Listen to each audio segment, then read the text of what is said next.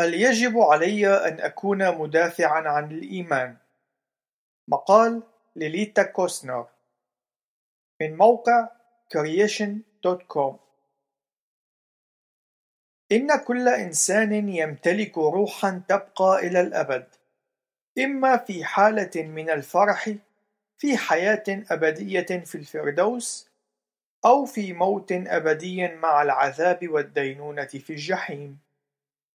يجب أن يوضح هذا الواقع أن الدفاعيات لا تقتصر فقط على الفوز في جدال فكري، أو حتى ما هو أسوأ من ذلك، مثل الخروج على وسائل التواصل الاجتماعي وترأس خلافات، وهو الأمر الذي لا يرقى إلى مستوى جدال. عنوان فرعي: أوامر الكتاب المقدس المتعلقة بالدفاعيات من الواضح أن الكتاب المقدس يأمر المسيحيين بأن يجتهدوا من أجل الإيمان المسلم إلينا. هذا هو أمر إيجابي للقيام بالدفاعيات. ويقول لنا بطرس أيضا اقتباس: قدسوا رب الإله في قلوبكم مستعدين دائما لمجاوبة كل من يسألكم عن سبب الرجاء الذي فيكم بوداعة وخوف.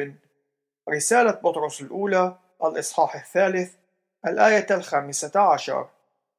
إن سياق هذه الآية يقول لنا بأن بطرس كان يفكر في الحالة التي تكون فيها الحياة الاستثنائية للأشخاص الذين يتبعون المسيح بشكل جذري أي نهائي حافزا للآخرين لكي يقوموا بسؤالهم عن إيمانهم. في محيطنا المعاصر، حيث يمكن لأي شخص أن يقوم برحلة عبر الإنترنت ليجد قوائم من مئات التناقضات المفترضة في الكتاب المقدس، من المهم للمسيحيين أن يكونوا قادرين على تقديم إجابات على الأسئلة الأساسية التي قد يطرحها أي شخص من الأشخاص عن الإيمان.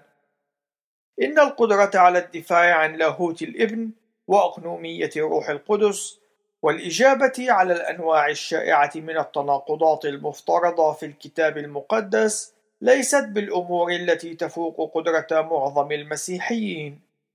يمكنك أن تأخذ الوقت اللازم لدراسة الوحي المقدس، كما أنه قد تم بشكل فعلي إتمام العمل على جمع الإجابات بشكل مجمع وبطريقة يسهل فهمها وإيصالها للآخرين من قبل عدد من الإرساليات أي الخدمات الكنسية مثل هذه الإرسالية ومثيلاتها من المصادر الممتازة.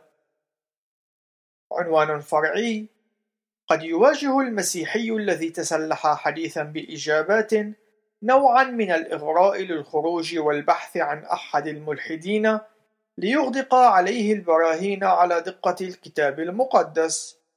إن هذه طريقة نمطية للدخول في مشاجرة، لكن إن كنا بالفعل نريد للأشخاص أن يؤمنوا، فإنه يجب علينا أن نتعاطى معهم بشكل أعمق.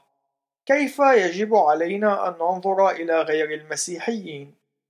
يوجد فئتان أساسيتان لهم وهما تتطلبان منهجان مختلفان. أولا يوجد أولئك الذين يخدعون الآخرين من خلال التعاليم المزيفة والواجب أن يتم مواجهة هؤلاء الأشخاص بشكل علني مع وضع هدف أساسي يتمثل بمنعهم من إقناع الآخرين بإنجيل مزيف. إلا أن هذا لا يمنحنا الإذن لكي نكون مبغضين لهم. يجب علينا أن نمتلك سلوكا حكيما يساعد على إقناع الحاضرين وربما أيضا يقنع المعلمين الكذبة أنفسهم بالحقيقة. ثانيا يوجد أولئك الذين لا يمتلكون أي معلومات ويجب أن يتم التعامل معهم بنعمة وبهدف إقناعهم بالحقيقة. وهذا الأمر يصبح أسهل حين نتذكر أننا أنفسنا كنا في ضلال إلى أن قام الآخرون بإيضاح الحقيقة لنا بكل أنات.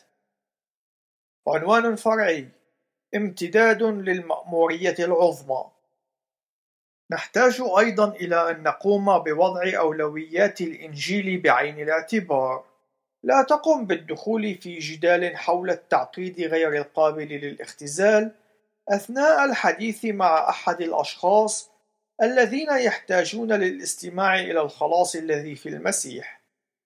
تعامل مع اعتراضاتهم على الإيمان بوضوح وبسرعة، ثم انقل المحادثة باتجاه الإنجيل. حين نلاحظ أن الدفاعيات ترتبط بشكل وثيق بالكرازة، فإن هذا سيبقي أولوياتنا وأسلوبنا قيد المراجعة والفحص. إن كنا نريد بصدق أن نرى اهتداء غير المؤمنين إلى الإيمان، فإنه لا يمكننا إلا أن نحبهم لأجل الإنجيل. إن كنا نصلي لأجل صديق يؤمن بالتطور، فإننا لن نميل إلى ضربه بأحدث الأدلة التي تؤيد الخلق. بل حين يكون الوقت مناسبا لمشاركة ذلك الدليل، فإننا سنفعل ذلك بلطف وحكمة. هذا الأمر يتطلب الصبر، لأن تفكير الأشخاص غالبًا لا يتغير بين ليلة وضحاها. إن التغيير يتطلب بناء علاقة مع غير المؤمنين واكتساب صداقتهم عبر الوقت. عنوان فرعي: الأساس الخلقي للدفاعيات والكرازة بالإنجيل.